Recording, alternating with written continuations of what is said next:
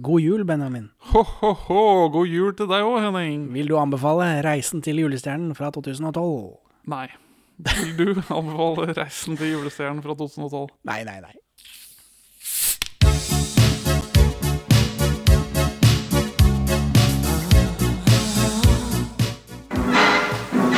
Perla for svin.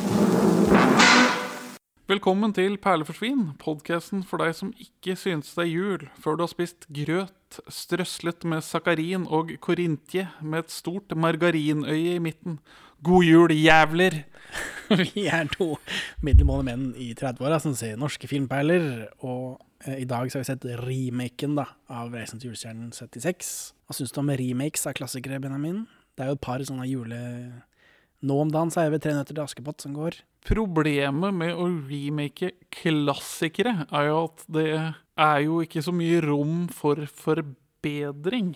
Altså, hva er den mest vellykkede remaken noensinne? The Thing fra 1982. For der har man en Olsemanns siste skrik. Ja, vi får se, da. Vi får se da Om vi har hevet materialet nok. Det var det. Altså, The Thing fra 1982 Den remaker jo en B-film fra 50-tallet. Den tar liksom Å, her er det noen gode ideer. Det kan vi bygge videre på. Så du syns ikke at The Thing fra 2011 hevet materialet? Den har jeg ikke sett. Nei, like. Men det fins visstnok en versjon av den som skal være mye bedre enn kinoversjonen. Ja, for den ble jo filmet med, ja, filmet med ekte effekter, og så digitalisert det senere. Et feilgrep. Absolutt. Uansett, tilbake til deg. Så hva vil man oppnå med å, å lage en remake av en klassiker? Jo, man vil tjene penger. Det stemmer. Som Man man gjerne har- vil med film, da. Ja ja, men det, filmer har en tendens til å bli bedre hvis noen har noe mer de har lyst til å få til, enn å kun selge popkorn. Ja ja.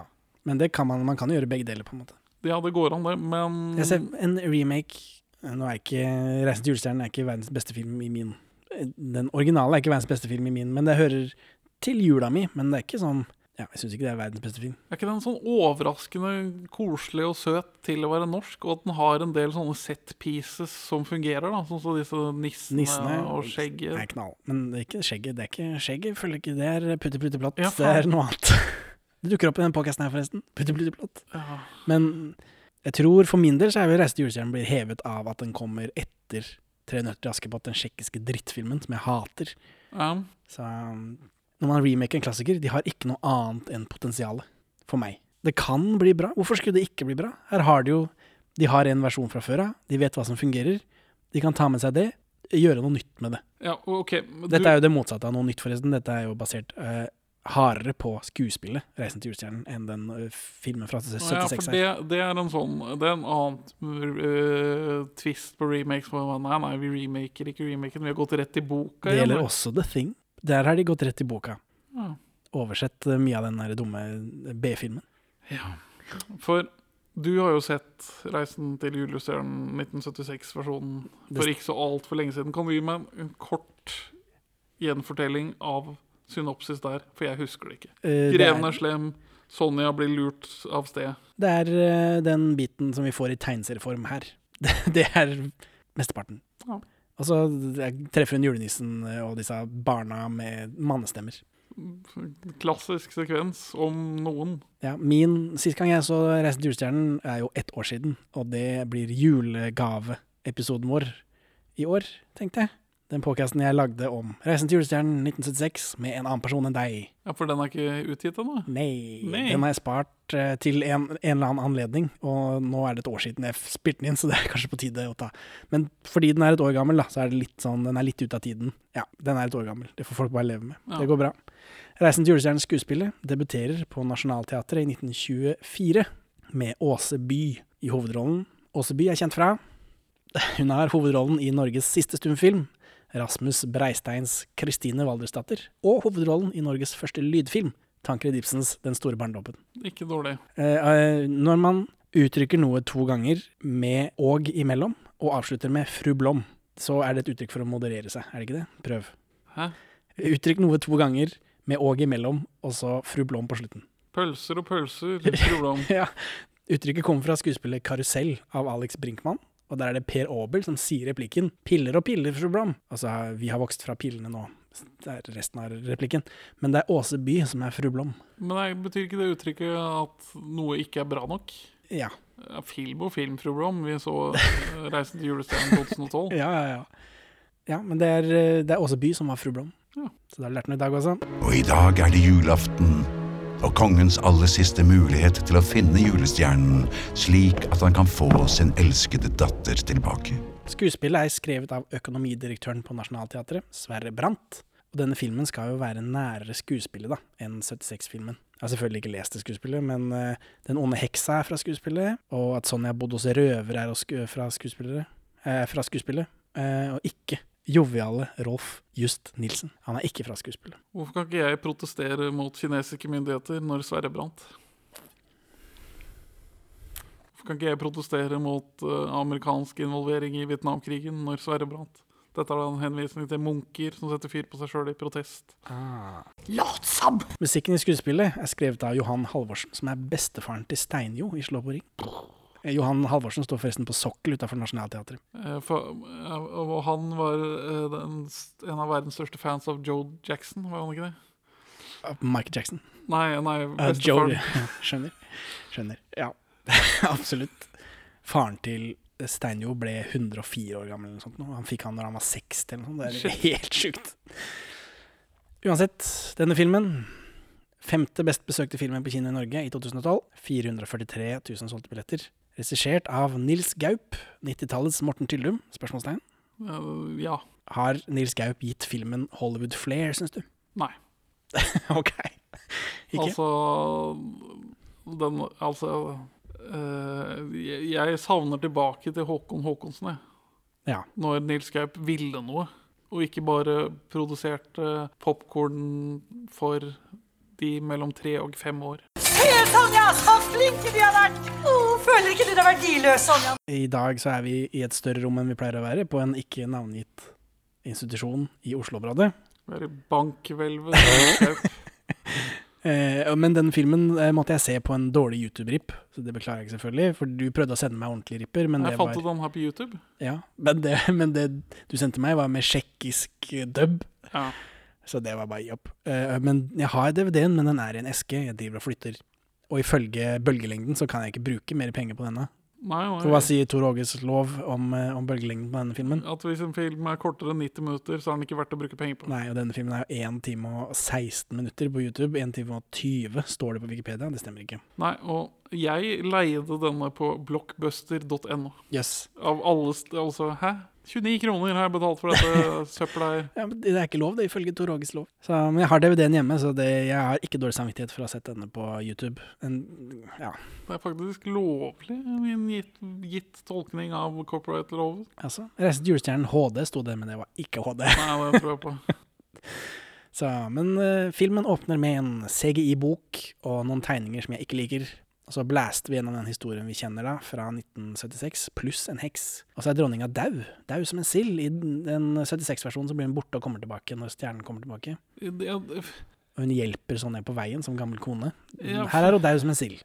for- Tonen i den filmen her er det som gir meg mest inntrykk av at Nils Gaup og eller manusforfatter og eller de eksekutive produserne, for jeg så det var lista opp, executive producers, bare at skrevet på norsk, har gitt beng her og kun gått for å lage en lavthengende frukt. Ja, jeg, jeg, Lavthengende julekule av en film. Dette er Barnefamilier skal ha glede av dette, ingen andre. ja, men det funka jo, da. Gratulerer. Denne her går jo på NRK2 hvert år. Når den ordentlige går på NRK1. Gjør den det? Eller NRK3 er det nå. Det er jo det der supergreiene. Ja. For, eller, altså, Parallelt. Ja. Så du kan, du kan, hvis du har to TV-er, så kan du sitte og For dette 'Reisen til julestjernen 76' er jo en film, en barnefilm ment som Eller barnefilm som bare voksne syns er gøy. For den er kjedelig. Er den det? Den er kjedelig for barn. Det? Ok, jeg, Det er jeg helt sikker på. jeg, men jeg mener å ha vært underholdt av den som barn. Ja, altså Men jeg var en kultivert akademiker allerede da, og kunne sette pris på høyverdig kunst. Det er klart. Uh, ja, jeg tror det at den er for gammel og for kjip. Det skjer ikke nok der, tror jeg. Ja, fordi barna Jeg vet ikke om du, du har jo unge i en alder hvor de klarer å uttrykke seg. Har, har du pollet uh, barnet? Eh, ikke på akkurat denne, men vi merker til tider at når vi ser klassikere, så fungerer ikke det. Nei, Mens sånn andre klassikere fungerer veldig bra. Julis Skomakergata og Trener Askepott, den dritten der sånn. det har vi ikke prøvd. Jeg tror kanskje mutter'n har prøvd å pushe 300 Askepott på mitt eldste avkom, men ja, jeg vet ikke. Men eh, jeg tror det, at dette er en sånn I hvert fall 'Trener 300 Askepott, denne eh, Reisen til julestjernen 76, da, og, og Juli Skomakergata, det er sånne juleklassikere som voksne har et forhold til, men som barn ikke liker, fordi det er ikke tegnefilm, og det er ikke action, og det skjer ingenting. Så jeg er for at de lager nye, sånn som den der nye 300 Askepott. Helt ålreit. Aner ikke om det er en god film eller ikke, men, Men- jeg skjønner at de gjør det. Men i hvert fall Tre nøtter til Askepott fremstår som en ekstremt meningsløs remake. Det eneste Eller jeg vil ombestemme meg hvis de kjører tsjekkisk dub på den, med sånn enkel dub, som er vanlig i den regionen av verden den sendte du sendte jo meg Reise til julestjernen-rip, eller nedlastning med tsjekkisk dub. Ja. Ja, med det norske under. tenkte jeg oi, oi, oi, dette var jo veldig eh, omvendt Knut Risan. Så jeg håper, Men det, det, det er jo det som er dubbestandarden i den tidlige Warszawa-pakten-delen av Europa. Det finnes kart Og Norge. Og Tre nøtter til Askepott. vi, har, vi slutta ganske tidlig med det i Norge, men, men hvis, du, hvis du ser på Baywatch på polsk TV den dag i dag, så er det ja, én enkelt gubbe som dubber hele greia. Det tror jeg. Eh, Men tilbake til denne filmen. da Jeg syns det er greit med remix. Det var det som var poenget mitt. At det, det gjør meg ingenting. Det, det er jo ikke som om det trekk, tar noe fra den forrige filmen. jo, den ødelegger magien av Nei, det er ikke jeg, jeg, jeg, jeg er for remakes så lenge man vil noe annet Men det kan, enn å kun det kan du jo ikke garantere med originalen heller. At de vil noe annet enn å selge billetter. og Krog Ja, Men iallfall, denne går på NRK2 hvert år. Så de har jo Det er nok en grunn til at de lagde denne filmen. 'Journey to the Christmas Star'. Ja. Den her, er- og Bølgen, forresten, som vi har diskutert her forleden. Jeg glemte å ta det opp. Det er både den her og Bølgen er dubbet på engelsk og fins i engelsk dubbet versjon. Det er Og nice. skal visstnok være kjempedårlig. Dub er dub, da. Det er ikke, hvis, hvis ikke de har gjeninnspilt den på norsk. Så, eller på engelsk, mener jeg. Eller parallellinnspilt. Ja, parallellinnspilt. Så da bryr jeg meg ikke. Men eh, her får de ti års frist på å finne julestjernen. Det har du ikke i den originalen, for der har det gått tolv år. eh, uten at de, Det er ikke snakk om noe frist. Jeg har spørsmål. Ja. I mytologien i 'Reisen til julestjernen', er de kristne? Tidligere så har det vært noe kontroverser rundt om de skal beholde Skuespillet er kristent. Der er det en klar kristen streng. Det ble borte i den filmen, og så har det vært for ikke altfor mange år siden en debatt rundt dette. Skal vi ha kristendommen i 'Reisen til julestjernen', eller skal vi ta det ut? For det har jo vært normen en. Samtidig som den er skrevet for eh, Den er kristen skrevet. Ja, men, øh, men det virker veldig rart. For det, det, kristendommen er jo klippet ut her. Ganske, men bortsett fra den første scenen her hvor Anders Baasmo eh, sitter ved et alter Ja, i noe som ser ut som et sånt alterrom, da. men for man har stjernen på himmelen som blir borte. For hvem er det som definerer denne, denne tiårsperioden? Det er forbannelsen hans, antar jeg. Virker det som. Men hvem forbanner han? Eh, Anders, Eller, Anders Baasmo forbanner julestjernen. Og om han, han, sier... har tatt med en tidsfrist, det vet jeg ikke. Ellers du- er det bare normen for eh, forbannelser. Ja. Forbannede stjerne, vik bort fra mitt rike, sier Knut Risan i originalen. ikke sant? Her får vi ikke se det engang. Her er det bare en, en stygg tegning. Jeg liker ikke de tegningene. nei, nei, nei. Det, det, De var veldig generiske. Det er tydelig at det er en sjekker som har tegna dette. Ja, eller bare trykke på den tegnefunksjonen i den nyeste versjonen av Photoshop. Det er veldig Ja, det var dårlig. basic bitch-greier. Men så uh, i mytologien i Reisen til julestjernen, så er det sånn hvis man forbanner himmellegemer, så får man noen tiårs frist til å rette det opp. Han som konge tror jeg har makten til å forbanne. Det er noe med det også. Ja, For han har jo fått sin kongsmakt fra Gud, antar jeg. ja, ja. Anders Baasmo, da? Som er julenissen. Er det julenissen er Gud? For han driver jo og holder et sånt regnskap over alles gode og onde handlinger. Det er, det er vanskelig å si. Vanskelig å si. Julenissen er i hvert fall den mest allmektige skapningen vi introduseres for i denne filmen. Ja, men Gud er jo i gåstegn eksisterer jo i den virkelige verden, og vi ser han jo ikke. Samtidig som han står for alt. Så man kan jo si at kanskje julenissen også eh, drar sin makt fra Gud.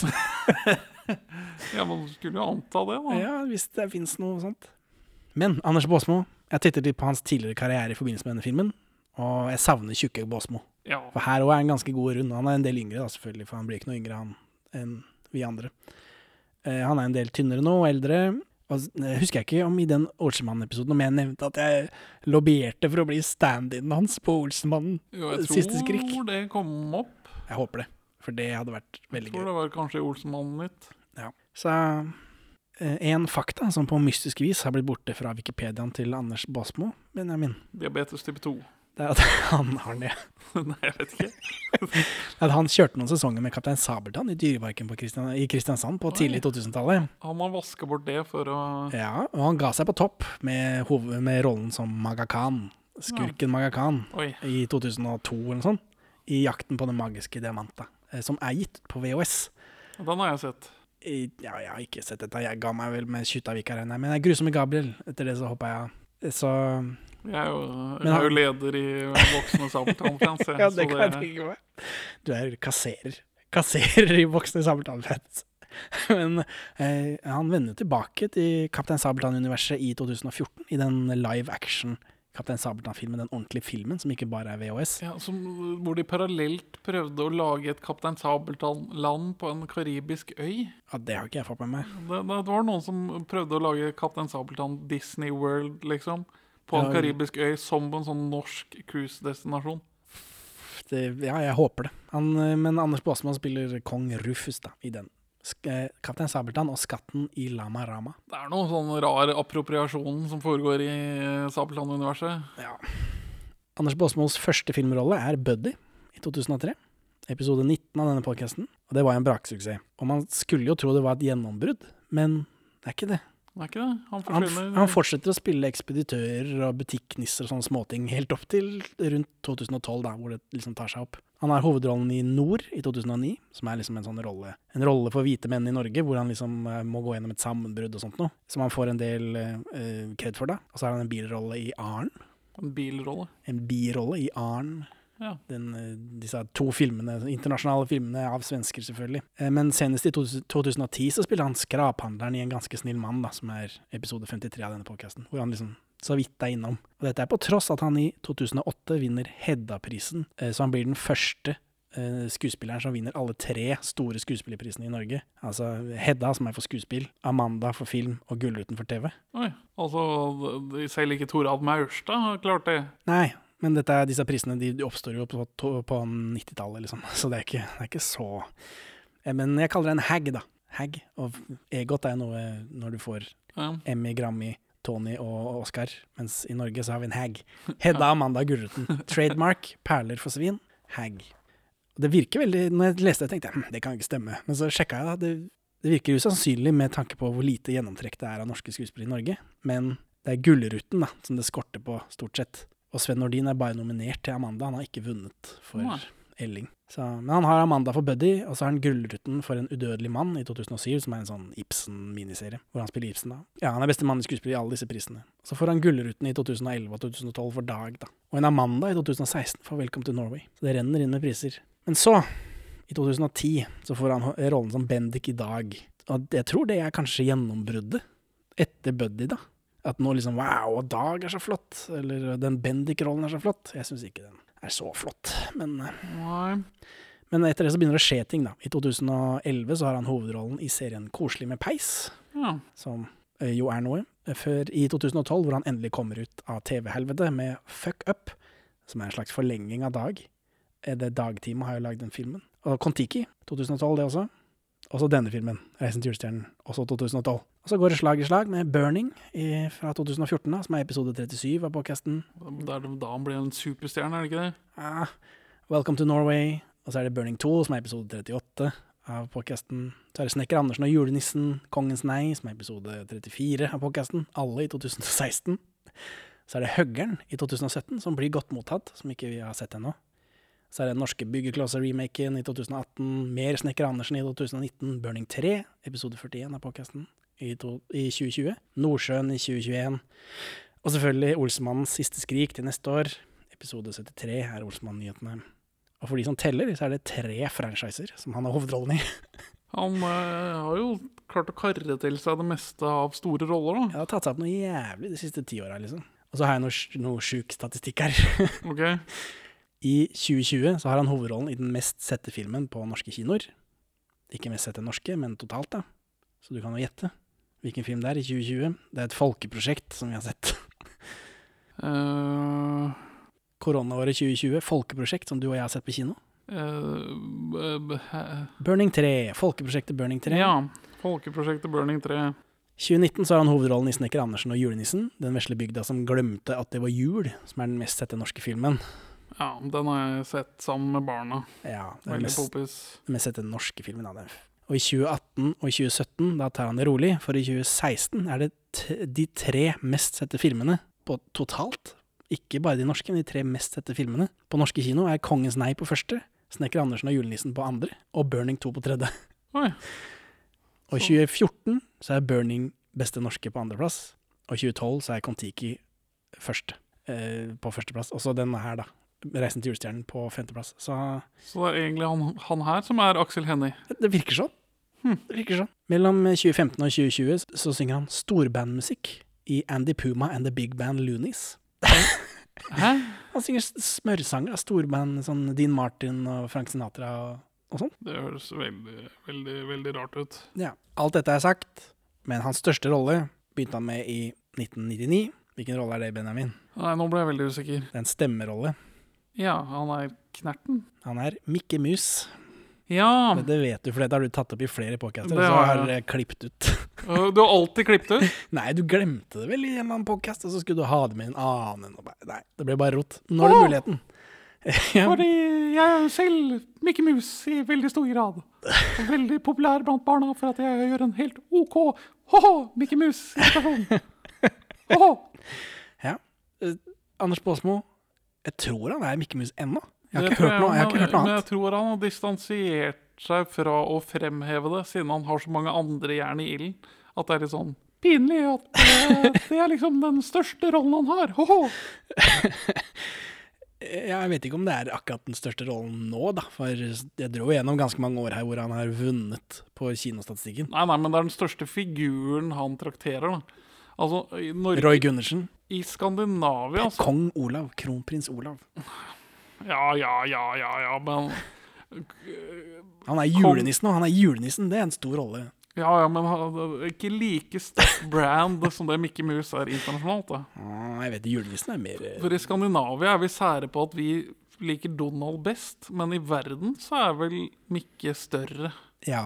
Og påvirker eh, copyright-lovgivning, i hvert fall i USA, og til dels internasjonalt òg. Fordi Disney hvert år copyrighten holder på å gå ut på Mickey Mouse, så får de lagt til en 10-15 år på ja, det stemmer.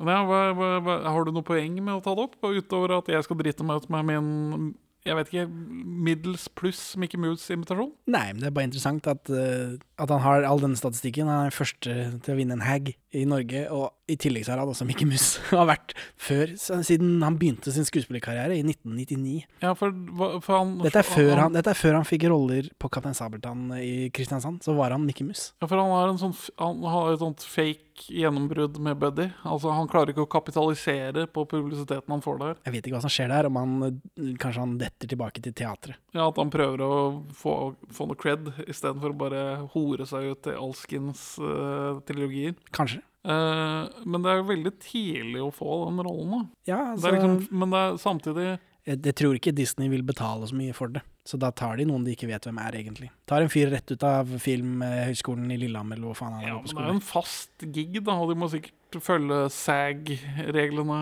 Det- Eller Voice Act... VAG. VAG. Voice Actors Guild. Før 1999 så var det Harald Mæhl som hadde stemmen. Eh, Han er stemmen i Forviklinger. Han er en sånn voiceover-type. Og før det igjen så var det Trond Brenne. Ja, han, men han har jo ganske mange gode stemmetolkninger. Jeg er jo veldig glad i Bartok i Ja. Anastasia. Ja, og før det så var det Karsten Winger, så har vi tatt hele rekka med Mikke Mus-skuespillere. Også meg, da, når han dør. Og deg, selvfølgelig, når, når eh, Anders Baasmo stryker med. Altså, barna mine er så mindblown av at jeg kan agere Mikke Mouse. Og jeg bruker det alltid til å snakke om hvor glad jeg som Mikke Mus er i å spise bæsj. Det okay. blir liksom det. Ja ja, det sånn er det Altså, hos deg, da. som Reisen til julestjernen, så vet jeg hvordan å appellere til barn ved å lage noe skikkelig dritt. Siden jeg nevner arbeiderskrue, så er det julaften i kveld, og jeg lurte på om jeg kunne få eh, ettermiddagen fri. Filmen begynner med denne dumme uh, bookenden, da. Og Med tegninger og greier. Og så får vi se at Gulltopp er fanget av røvere. Altså, greven lurer Gulltopp til å gå ut og prøve å gi hjertet sitt til julestjernen. Ja. Altså det hjertesmykket hun har fått av mammaen sin for å huske at hun ble fortalt dette om at man måtte gi hjertet sitt til julestjernen. Noe sånt. Dette var veldig sånn uh, Hva er høna og egget her? Greven lurer henne ut. For han er i ledetog med heksa, som kaster en forbannelse på Gulltopp som gjør at hun blir borte. Ja, det er for å drepe henne. Eh, Får jeg forstår jeg senere i filmen, for de blir overrasket at å, faen, hun lever. Det må være det hjertet, kjærligheten fra sin mor. Det er noe Harry Potter-opplegg. Ja, Som har beskyttet henne, beskyttet henne fra det. Eh, Hvis ikke det er eh, Just Kidding Rowling som har tatt det fra Reisen til julestjernen skuespiller. Som har beskyttet henne, altså hun ble bare borte.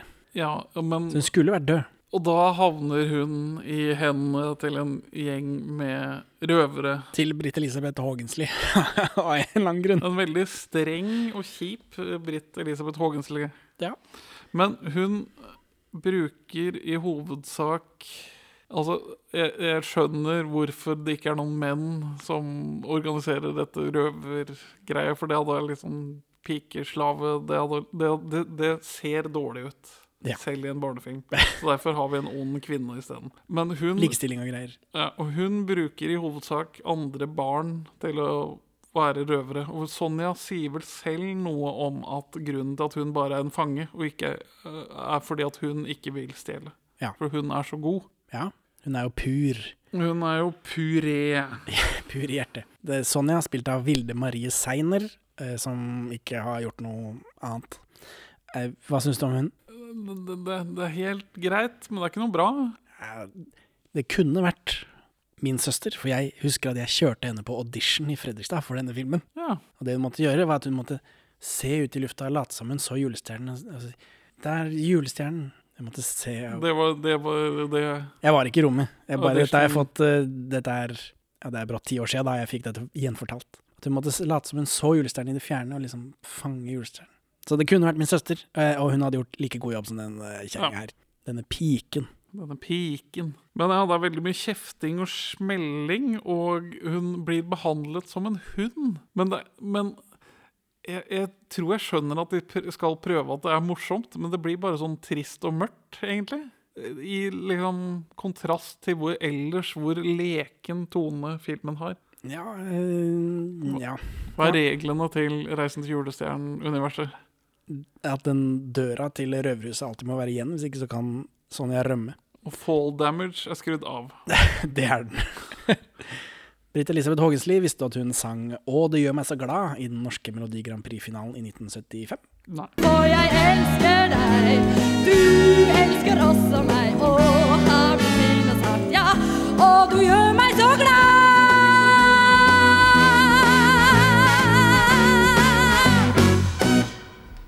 Låta kom på sisteplass, så hun vant ikke den, da. Du er podcastens Melodi Grand Prix-entusiast. Bare når jeg kan google meg frem til det. Hun spiller også i episode 9 av podkasten Absolutt blåmandag, i tillegg til Frøysand Fabrikk og Pelle og Proffen-trilogien og mye annet, da, inkludert Hotel Cæsar. Resten av røverne er barn. Er det noe Charles Dickens-greier, dette, eller hva er dette for noe? Ja, det- det er vel det, da. Men, men barna er like kjipe som det Ja. hun er. Så det, jeg jeg syns det, det blir uh, upassende stemning gitt resten av filmens tone. For der er det ikke noe sånn Det er ikke noe realisme å spore, bortsett fra i hvor kjipt denne slavetilværelsen til Sonja er. Den står i sterk kontrast til resten av filmen, og det fungerer ikke for meg. Det blir bare kjipt.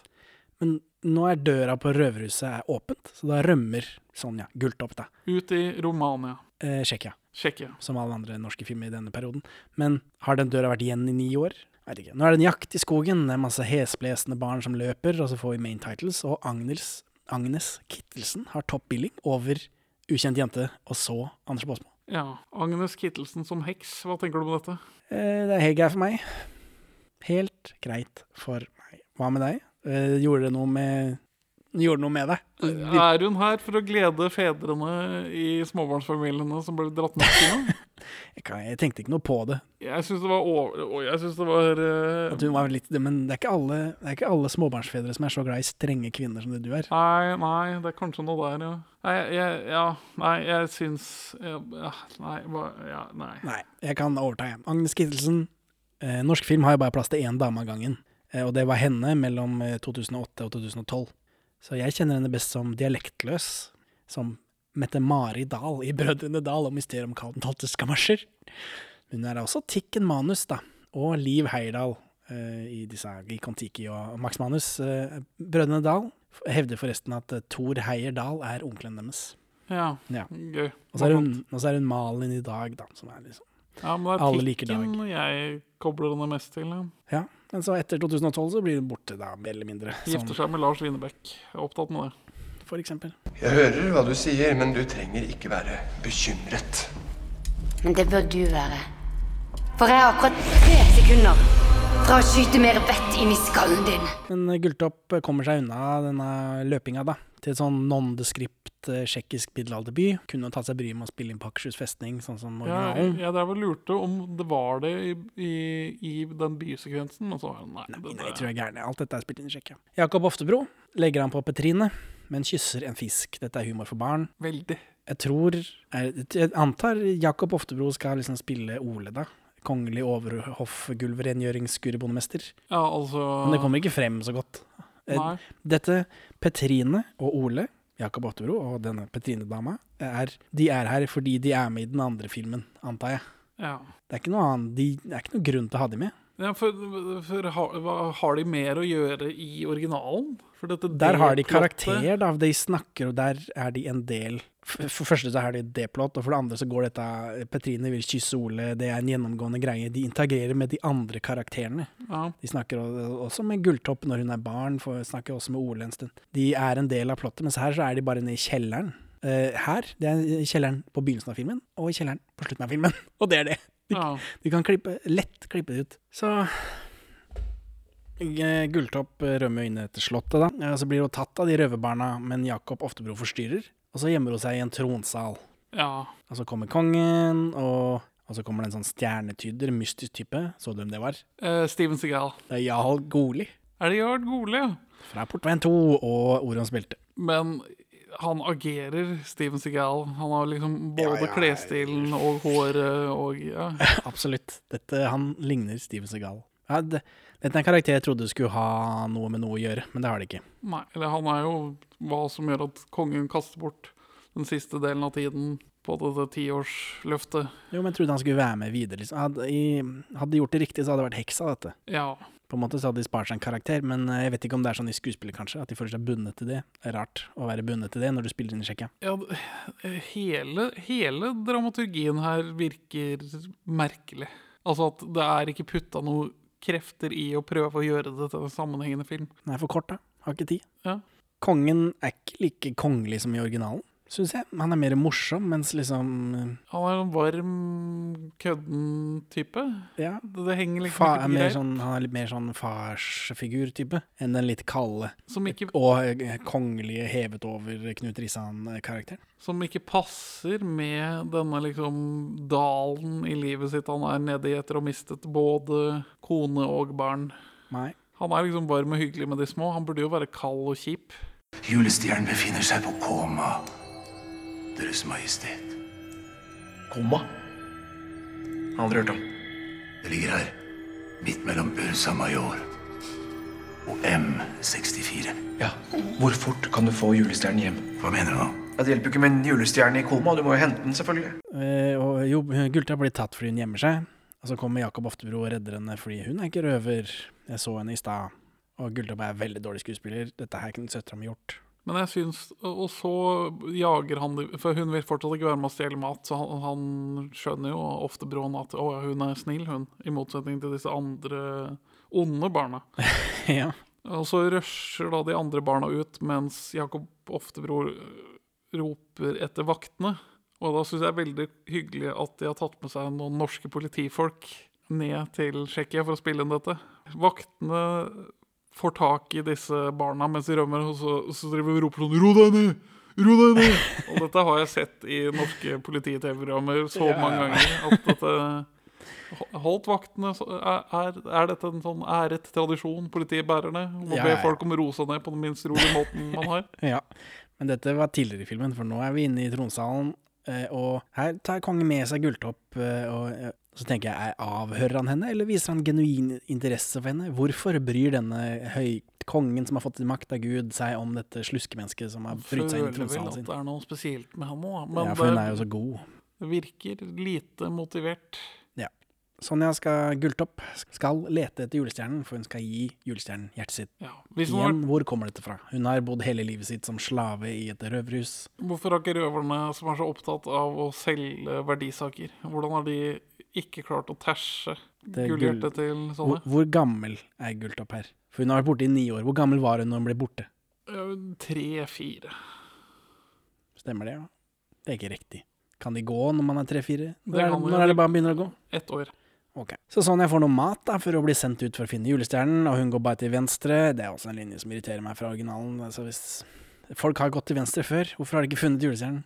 Ja, øh, Billedlig så går hun faktisk til venstre i bildet, da. Ja, det gjør hun i originalen også.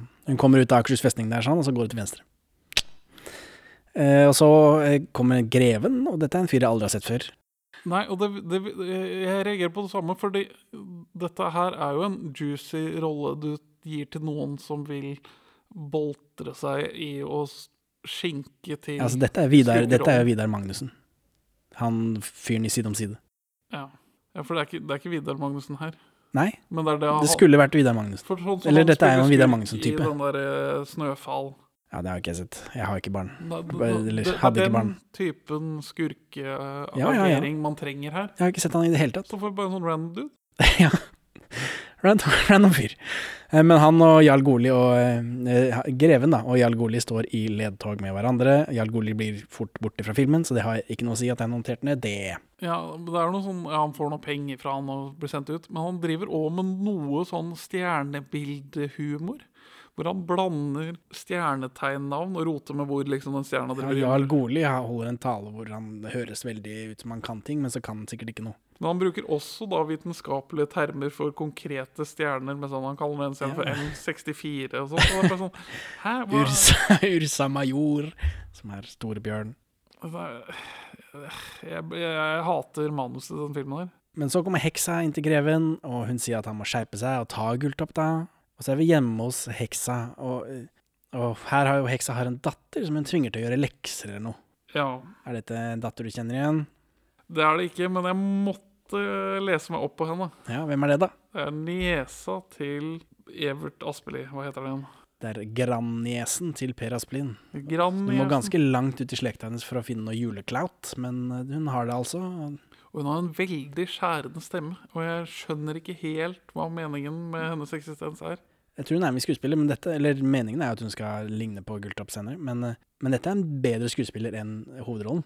Ja, hun leker i hvert fall litt med materialet, da. Ja, altså, ja, Per Asplin, det er jo han som har skrevet Og så har med det, skjegget og alt det greiene der. Men hun har, også, eh, hun har også gjort noen år i Hotel Cæsar, så dette er jo en skuespiller. ja, og så har hun skrevet sin egen eh, biografi på IMDb, virker det til. Altså, Sophie is one of Norway's fastest rising talent. She got her major breakthrough in Norway as teenager, playing one of the leads of one of Norway's biggest and most popular shows, Hotel Cæsar, and went on to star in several major Norwegian films, including, including their biggest holiday hit, Journey to the Christmas Star.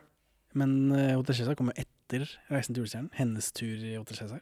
Whatever. Hun har sikkert skrevet den selv, ja. Det høres riktig ut. Gulltopp treffer en ugle som hun spør om veien uten å få svar. Skjønte ikke hva poenget med den var. En hubro, spesifikt. Bubror i Betra, tror jeg det var. Ja, Ja.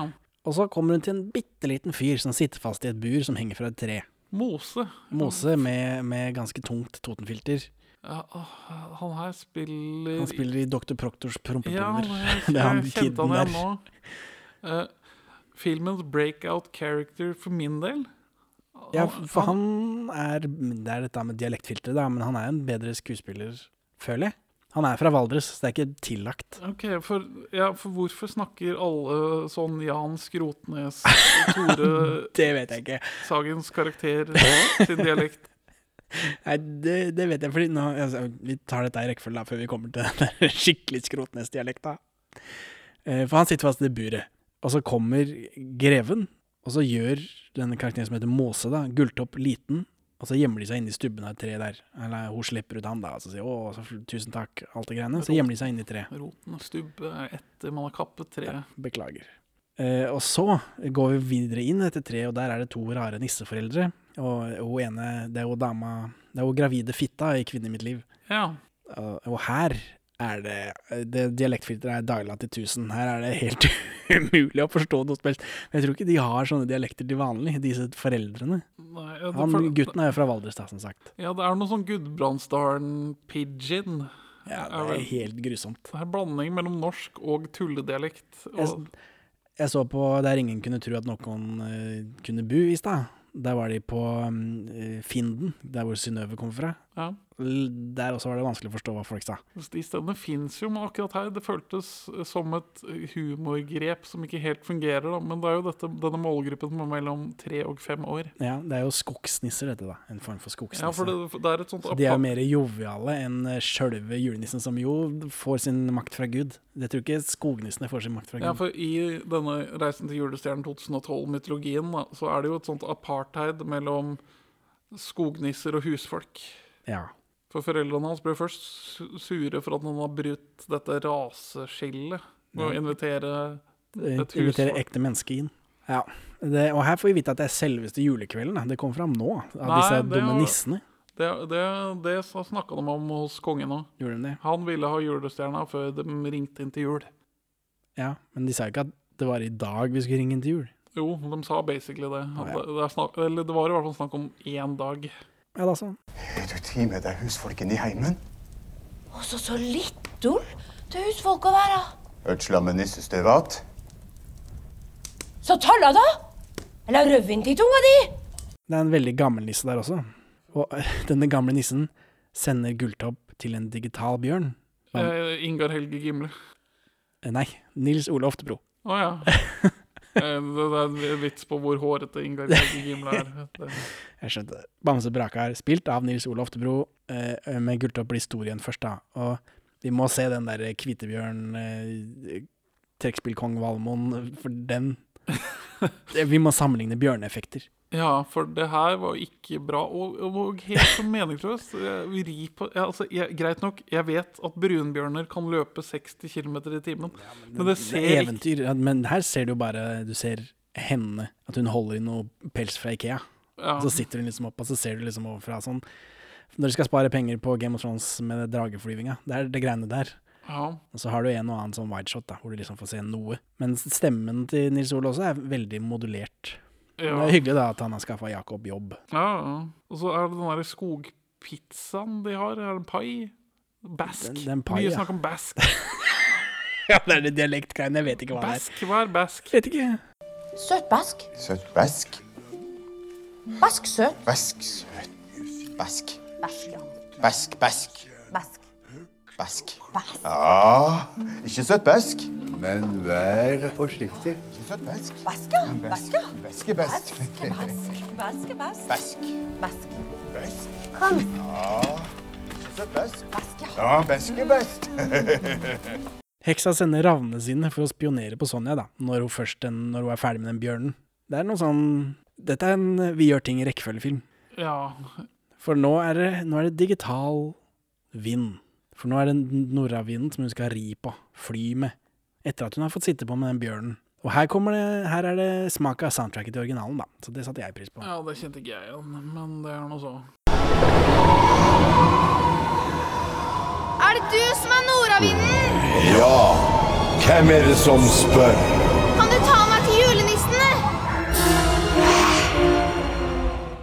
Men angående hun dattera til heksa, for hun drev og lekte med disse ravnene. Er, er det Hugin og Munin, dette? Det er bare tilfeldig ravn. Og, Det er bare for å sette opp at det eksisterer.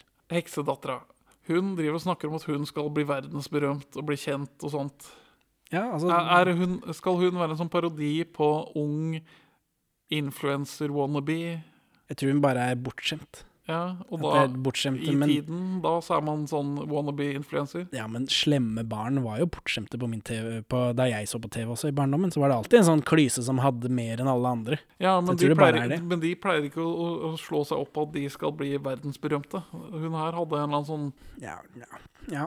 Det, det er til siden. Hun var litt, jeg, har spørsmål til henne, men hun har ikke noe navn. da Hun spiller bare Heksens datter. Ja. Putt inn Ikke tenk ekstra linje i Ikke tenk på det. Jeg tror det er Kristin eller Kristine eller sånt. Jeg er på Wikipedia. Så når, i actionfigurene som de solgte til den filmen her, så er det en figur som heter Heksens datter. Og, og heksen. Ja, For heksen har heller ikke noe navn. jo, jeg tror det har et navn på Wikipedia. Heksen gir greven en sopelime, og så er det noe business med det, da. At han Ja. er redd for å Han har høydeskrekk eller sånt noe. Også, Fordi han skal følge et uh, gulltopp da som Supermann flyr på vinden. Veldig Supermann flyr òg. Altså, Altså- skal greven Harry Potter fly etter, da. Han har litt problemer med disse trylleordene. Ja, det er tuller Vengardium Leviosa. Terranus superterran. L- Vengardium Leviosa. Altså magien i Harry Potter-universet henger ikke på grep, og magien i Reisen til julestjernen 2012-mytologien henger heller ikke på grep. Nei, men her kommer det en jakt, da. De liksom, her er det action. Dette er, det er mye mer action her enn det er den andre. Og så, så ser På et tidspunkt så ser greven ned, får høydeskrekk og kaster seg av sopelimen umotivert. Ja, for Hva er dette? Kunne han ikke krasje med noe, liksom? En fugl eller noe sånt? Ja, det hadde vært noe, men bare, bare ha det at han faller ned i et veldig skralt buskas. Han faller ned i en kvisthaug, så han burde vært død. Eh, Men så får han ikke liv i sopelimen igjen, for han klarer ikke disse orda, og så knekker han i raseri. Men han tar den med seg hele veien hjem, da. Ja, for å vise For han har jo lånt den. Han må, må levere tilbake. Og så, ja ja. Så blir Gulltopp kastet av på Nordpolen da, hos julenissen. Og så Den første nissen hun treffer, er Trond Høvik. Ja, E. han er det Lasse i eh, Folk flest bor i Kina. Ja. Men Med- her er han med bergensdialekt. Og kjempestor bart. Jo jo, men det kan man lime på. Bergensdialekt, hvorfor har du det? Det er ikke noe grunn til det. Han er nisse, klart han har bart. Han vil vel distansere seg fra tolkningen Lasse og E og Ja, det kan hende. Hva gjør du her? Jeg er for å møte julenissen. Julenissen? Tror du at man bare kan komme her og møte julenissen sånn uten videre? Må man avtale tid på forhånd? Nei. Man kommer simpelthen ikke i det hele tatt. Gulltopp eh, er ikke så god på å vise undring og amazement, og hvor storslagent og magisk alt skal være. Hun ser bare ut som hun kjeder seg overalt, denne skuespilleren. Ja. Oh, hun har ikke ansiktsuttrykk, mimikk. Ja, og så bruker man nissens verksted. Det, jeg syns det underbenyttes av filmen. Det er liksom bare ja, Her foregår det nissegreier. ja, ja her, er her har vi et digitalt bakteppe vi har slengt på. Altså, når Mose er en sånn banger av en hit tidligere i filmen Det burde vært flere nisser. Ja.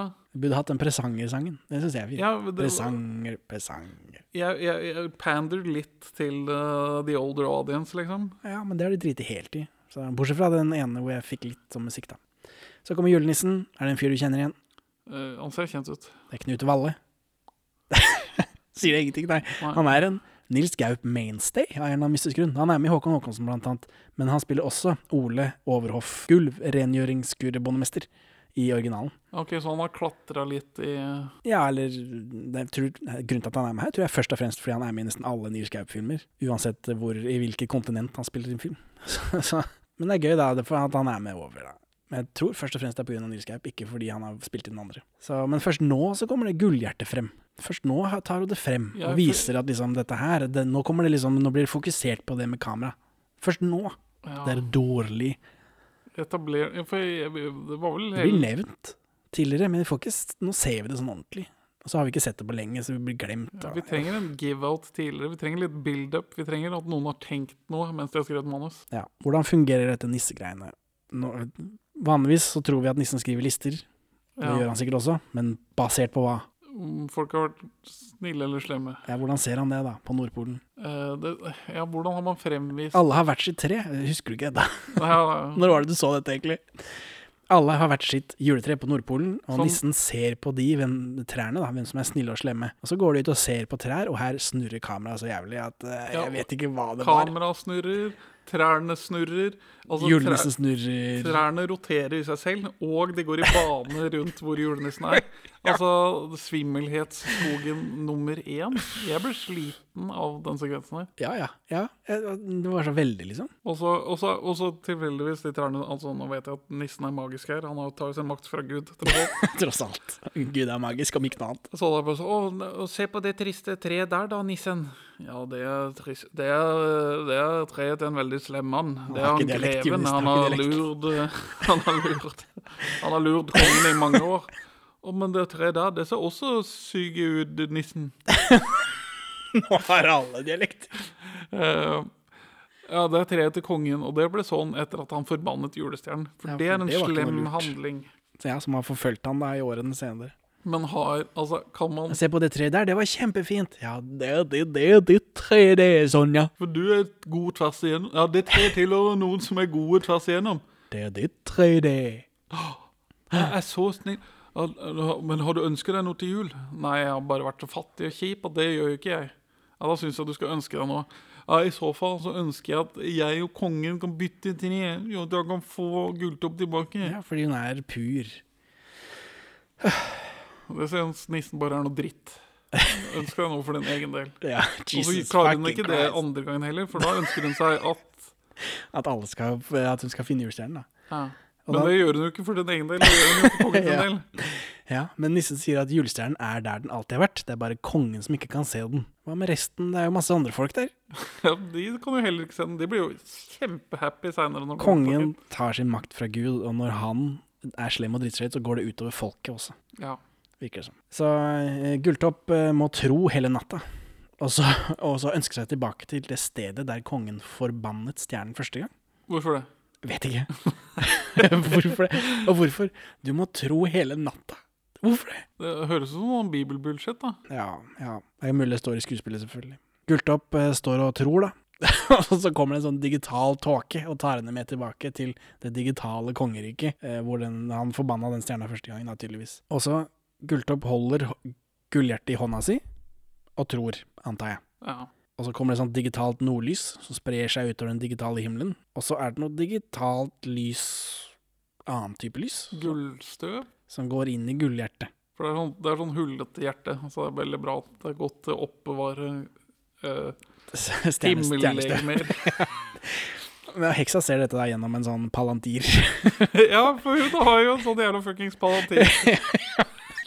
og hun er heller ikke fan av dette, eh, så hun tar med seg dattera si, og så går hun til greven og klager over at medaljongen har reddet henne fordi hun trodde at hun var død, da, Gulltopp. Og så, drar, eh, så klager de over dette, og så drar heksa til Gulltopp i skogen, der hun tryller et tre til å holde henne fast, så hun kan ta medaljongen, altså heksa kan ta det der hjertet. Men altså, Voldemort, som denne heksa er, da. Hvorfor knerter hun ikke bare sånn jeg her? Jeg vet ikke. Ikke trylling, bare knivstikke opp. Satt. Ja, god gamle måten, liksom. Nei, jeg veit ikke. Det hadde vel vært eh, Det hadde blitt en annen type film. Hun driver også etablerer liksom regler for universet som heller ikke har noe bety denne Reisen til julestjernen 2012-mytologien. Hun sier til dattera si at hun må øve på magien. Fordi altså, magi er noe som går i arv, men om du ikke lærer deg den ordentlig, så tar den kontroll over deg. Ja. Hva betyr det? Jeg, det hadde gitt mening om du skulle lage fire filmer til. Ja, men det skal de jo ikke. Nei. Vet ikke. Jeg vet ikke. Det er bare for at det er, det er en type kraft, da. Jeg vet det faen, jeg. Det er for å heve magien i denne filmen. Hvilken? Hvilken film? Hvilken Reisen til magi? julestjernen. Hvilken magi? Heksa gir medaljongen til dattera si for å lure kongen, og dette er en god plan, syns jeg. Ja. Kudos til heks. Og så er det noe business med å trylle håret til dattera. Men Ja. dette er for barn. Men, òg en joke som fungerer mer for mødrene som ser filmen, i at, med at hvis du driter deg ut når du bleker håret for å farge deg blond, så blir det grønt. Ja, det, Det er en ekte jeg. greie, tror jeg. Men, eh, jeg, ja, jeg kobla det mer at det var morsomt at hun ser rar ut for barn. Ja, ja, at hun er misfornøyd men jeg, selv. jeg tror den har en dobbeltfunksjon. At det er liksom noe til foreldrene, og så er det noe til barna. Og så blir hun sånn blond og fin prinsesse til slutt, men med sånn mørk smin sminke rundt øya, da, sånn at vi skal skjønne at hun fortsatt er ond. Det var nok dette med det, det grønne håret, at det egentlig er sånn det blir når man driter seg ut når man bleker hår. Det var nok det Sverre Brandt tenkte på når han skrev uh, 'Reisen til julestjernen'-stykket i, i 1924. Og så er det noe kontraktgreier, og det liker barna i jula. Ja, Eh, Kontraktlov. vi, vi, skal ta, vi skal ta kongen på det juridiske. altså, er I originalen, så, eller i filmen, da, 76, så eh, insisterer greven på å gifte seg med Sonja. ja, det er jo en slags sånn juridisk måte å ta kongen på. Ja, ja, og det er litt pussig, da, fordi kongen sier også at greven er hans nærmeste slektning, og så dukker hans andre nærmeste slektning opp, og så skal de gifte seg. Men Det- eh, ikke tenk på det. Det er, det er ganske vanlig Sånn er det å være konge. i middelalderen. Så, men det er jo Det er i hvert fall ikke kontrakt, da. Som er liksom det, eh, Ja, det føles ikke riktig ut i en barnefilm. Og, og altså, når konger får makten sin, så er det ikke sånn at de bare kan gjøre absolutt hva de, hva de vil. Det, for, det, det foreligger en, avt, altså en avtale mm, i, På dette tidspunktet så vil det da foreligge en avtale mellom kongen og adelen som legger en grense på hva kongen kan gjøre.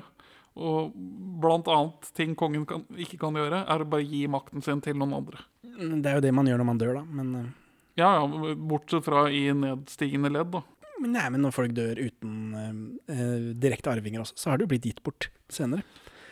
Ja, men adelen har en viss rolle i å velge hvem det er som Hva heter han der? Er det Bernadotte? Ja, han, Han er, var ikke slekt. nei, han er valgt inn av adelen. Så, så sånn er det. Men her er det i hvert fall en kontrakt. Greven presenterer heksedattera til kongen som Sonja, som gulltopp, da. Og Fortsatt god plan. Akkurat den kontraktbiten, ikke så god plan. Men hadde de klart å bare holde henne i rollen som Sonja resten av kongens eh, liv, som jo kan bli kort, da greven er litt sånn stikkete, knivstikkete. hun mangler litt instruks på hva det er hun skal gjøre i sin rolle som Sonja. da. For hun er, oppfører seg jo veldig ufyselig. Eh, ja. Hun har jo også, også vært borte i ni år, da. Så. Ja. Det kan hende hun bare er traumatisert, det. Ja. men hun begynner jo å gaslighte kongen med en gang. ja, men Bosmo, altså kongen kjøper det, men bikkja hans gjør ikke det, da. Nei, Men bikkja har jo kjent igjen Sonja fra første stund. Ja, ja. hun var inne der. Heksedattera er manipulativ og fin, har jeg skrevet. For hun begynner å gaslighte ham med en gang. Og Her, liksom, her sier du at det er stygg. Ja. Hvorfor ser du det sånn på på, meg? hun er god. Ja, det har nesten breakout character, om ikke Mose var så sterk. eh, Lille, ja, ja. For nå er jeg tilbake til Mose, da. For nå Gulltopp eh, så sitter fast i et treet, og hun står og bærer seg, og så kommer Mose, da, den lille skognissen, eh, for han hører henne, og så gjør han henne liten, så hun kommer seg ut, og så gjør, hun, gjør han henne stor med en gang. Men han, han virker litt snurt, da, for han har tidligere sagt at han gjorde forrige tjeneste i bytte mot at han skulle få litt grått, grøt. For at husfolket har jo glemt nissefolket, skogsnissene. Så, men nå, den grøtgreiene er noe som varer eh, i vår tid også, så det er nok, det kommer jo fra dette, regner jeg med. Ja, ja. Den urgamle pakten mellom Gulltopp og Mose må æres av alle etterfølgere. Jeg tror ikke kongen sitter og venter på prinsesse Grønntopp. Slottet lader opp til fest, eh, mens Gulltopp beiner av gårde da, mot, eh, mot slottet. Tronsalen er liten og kjip. Den minner litt om originalen, men jeg tror til og med den er større. Ja, den, Hadde ikke større lagerhus i Tsjekkia, så de kunne liksom ja, det kle opp. føles litt ut som stor stue. Ja. I motsetning til Tronsal, liksom. Ja. Alle feirer og klapper da for fake Gulltopp, og da kommer greven drassende med en kontrakt til kongen, da, så han, eh, så han aldri skal forbanne julestjernen igjen. Ja. Hyggelig dette, hyggelig dette, konge, men kan ikke du signere her at du må aldri forbanne julestjernen igjen, for det var noe dritt. Jo, jo, det, det henger jo på greip. ja, Selvsagt. selv- selvsagt. Ja, det gir mening for meg, det.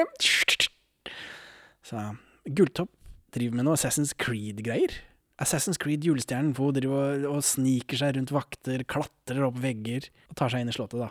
Ja, altså en sånn chase sequence som er mye dårligere enn den i Omringet. Men litt den samme type billedspråk som benyttes. Og så akkurat idet kongen driver og signerer, så sparker hun eh, ekte Gulltopp inn døra. Pang! Og ser litt sånn sliten ut, da. Og så har, og så har kongen dette umotiverte båndet til Sonja. da. For han er villig til å droppe alt som foregår. Selv om ran, dette random gatebarnet kommer inn. Mens jeg egentlig er opptatt med å være overlykkelig over å ha gjenfunnet min Ekte datter. datter Ja, ja, gjennom ja. ni år. Ja. Sånn, ja. Også godt å se deg. Nei, Ja. dette kan vi fikse seinere. Ja, det det har jeg også notert at kongen er litt for glad i Gulltopp, syns jeg. Hva er han? Han burde ha noen skjulte motiver. Jeg bare, jeg bare sier det. Det er det eneste som gir mening. Gulltopp får da Han har jo, dette, han har jo et bånd han ikke helt skjønner hva er til denne Sonja. Ja, Men det blir jo ikke forklart til meg gjennom filmen. Det, blir, det, bare, det, det burde kan- være noe mer. Det kan konstrueres i ettertid, når man prøver å hjelpe filmen. Ja, sånn- av meg, ja. Ja. Men filmen skal konstruere det. Nils Gaup skal gjøre det, ikke jeg. Gulltopp får smykke. Stjernen stikker digitalt av opp på himmelen. Eh, far og datter gjenforenes, og skuespillet er helt utrolig ræva. Ja, Dette var dårlig. Også alle de statistene som De, de har først vært glade for liksom gulltopp, og så har det ingen reaksjon på at det er, kommer en sånn switcheroo, og så blir de akkurat like glad igjen. Det er bare sånn Hæ? Ja, altså, Tsjekkiske statister, jeg tror ingen av de har egen podcast om norsk film. Og så klipper vi ut til folket, som nå er glade for at julestjernen er tilbake. Selvfølgelig. For hvilken påvirkning har julestjernen på dagliglivet? For det, det var noe snakk om at det ble kaldt og grått etter at julestjernen ble borte. I den ordentlige filmen så er det jo liksom landesorg da, etter at den blir borte. Det er dårlig stemning ja, for alle.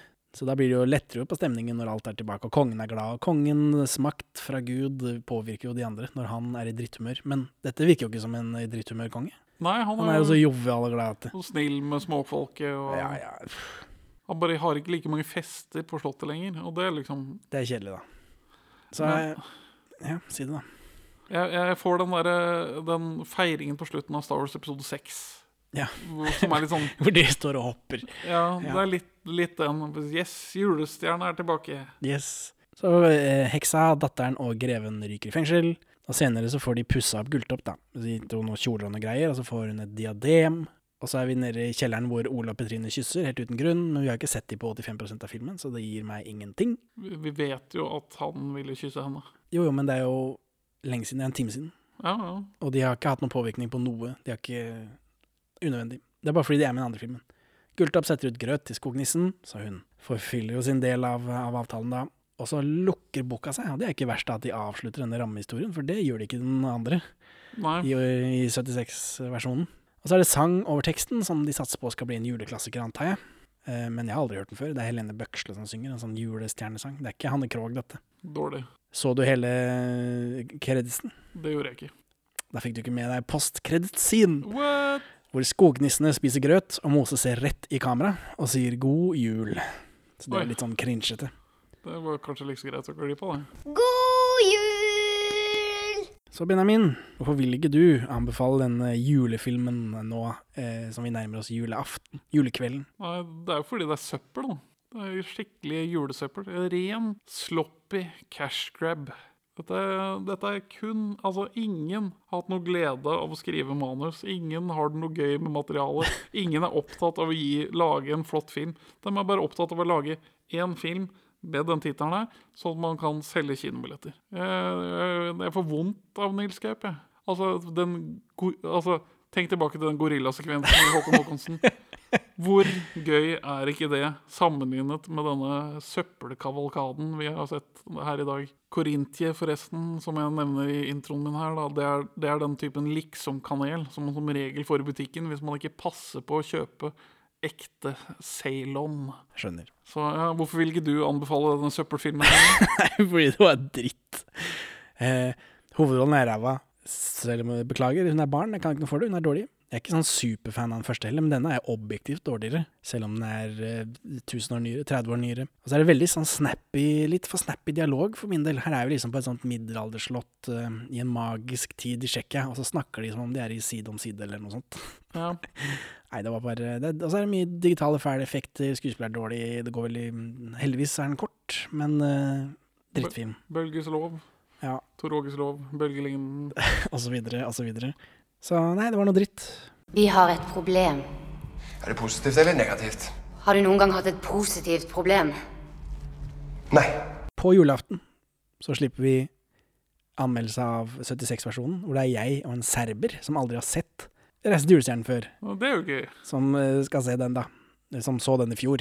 så, så det er eh, årets julegave i år, for vi har gjort det vanskelig for oss med å gi ut eh, en full episode til i året. Så men da slipper du å være med på det i år, heldigvis. Ja, så hyggelig. For deg. Så da er det tilbake til ribbe, da, Benjamin. God jul. Ja, god jul. Takk for at du hører på Perler for svin. Du finner oss først og fremst på perleforsvin.no, men også på Twitter under perler-for-svin, Facebook som perleforsvinpod, eller du kan maile oss på perleforsvinpod at gmail.com. Gi oss gjerne en eh, rating i din lokale podcast-avspiller, og, og legg igjen en beskrivelse, så folk skjønner hva det er for noe tull vi egentlig driver med. Her er ukas Pål Bang-Hansen-sitat ute av kontekst. Men ingen aner tydeligvis at den unge dame og ektemannen, som hun plutselig er blitt forelsket i, har ben i nesen.